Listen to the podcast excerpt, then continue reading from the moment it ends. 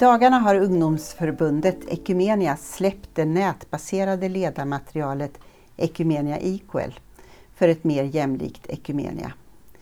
Det är värt att ta del av vare sig du är ledare eller inte. Det räcker med att vara människa.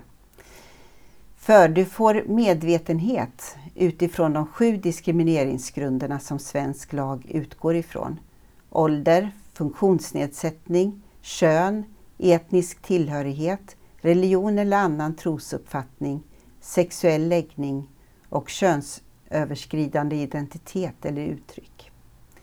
Ekumenia vill arbeta mot all form av diskriminering och jäm, främja jämställdhet och jämlikhet. Det vill också kyrkan, bland annat genom att ta tydligt avstånd från all form av diskriminering på grund av sexuell läggning eller könsidentitet.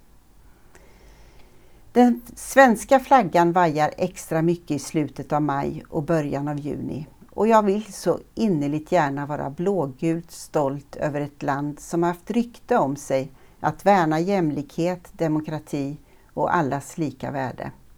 Men det svajar lite i mig när jag ser tendenser till ökade klyftor i samhället och en oro över demokratins äkthet och ärlighet. I Jakobs brev i Bibeln läser vi Gör inte skillnad på människor, ni som tror på Jesus Kristus. Tänk om det i er synagoga kommer in en man med guldringar på fingrarna och vita kläder och samtidigt en fattig man i smutsiga kläder. Om ni då bara har ögon för en finklädd och säger till honom Här är en bra plats för dig, men till den fattige Ställ dig där borta eller sätt dig på golvet vid mina fötter. Gör ni då inte åtskillnad och fäller orätta domar? Den här veckan ber vi för Belarus, som är det minst demokratiska landet i Europa. Där är starka begränsningar för civilsamhället, politisk oro, social nöd och stor ojämlikhet. Förra veckan bad vi för Moldavien. Belarus är på samma sätt ett gränsland till Ukraina, vilket är en utmaning i sig. I Baptistunionen, som är vår systerkyrka, stöder vi barmhärtighetssystrar som är i kontakt med barnhem, familjehem, hem för de som lever med funktionsnedsättning, sjukhus, fängelser, alkoholrehabilitering och skolor. Barmhärtighetssystrar förmedlar barmhärtighet där det som mest behövs.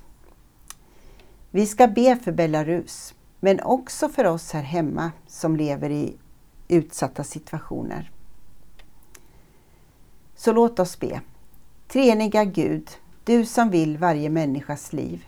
Vi längtar efter rättfärdighet, fred och jämlikhet. Lär oss dag för dag att inte göra skillnad på människor utan se varandra med din barmhärtighet. Stärk oss att ta avstånd från all diskriminering, att försvara rätten och bekämpa orätten. Vi ber för vår systerkyrka i Belarus. Stilla den politiska oron i landet och ge kyrkan fortsatt kraft att vara ett ljus för människor som lider. Tack för våra vänners uthållighet i mötet med de mest utsatta. Låt din välsignelse och kraft vila över alla medarbetare. Vi ber för människor som lever i utsatta situationer också här hemma. Såsom ensamhet, psykisk och fysisk ohälsa, hemlöshet och ekonomiska svårigheter. Vi ber att skjutningarna i vårt land ska upphöra. Stärk vår längtan efter jämlikhet och bevara dem som arbetar för fred, frid och rättvisa. Ge av din nåd och kraft till dem. Och vi ber om hjälp att leva i fred med hela skapelsen och att gå kärlekens väg på jorden, för lika behandling och jämvikt för allt du älskar. I Jesu namn. Amen. Gud välsigna dig och din dag.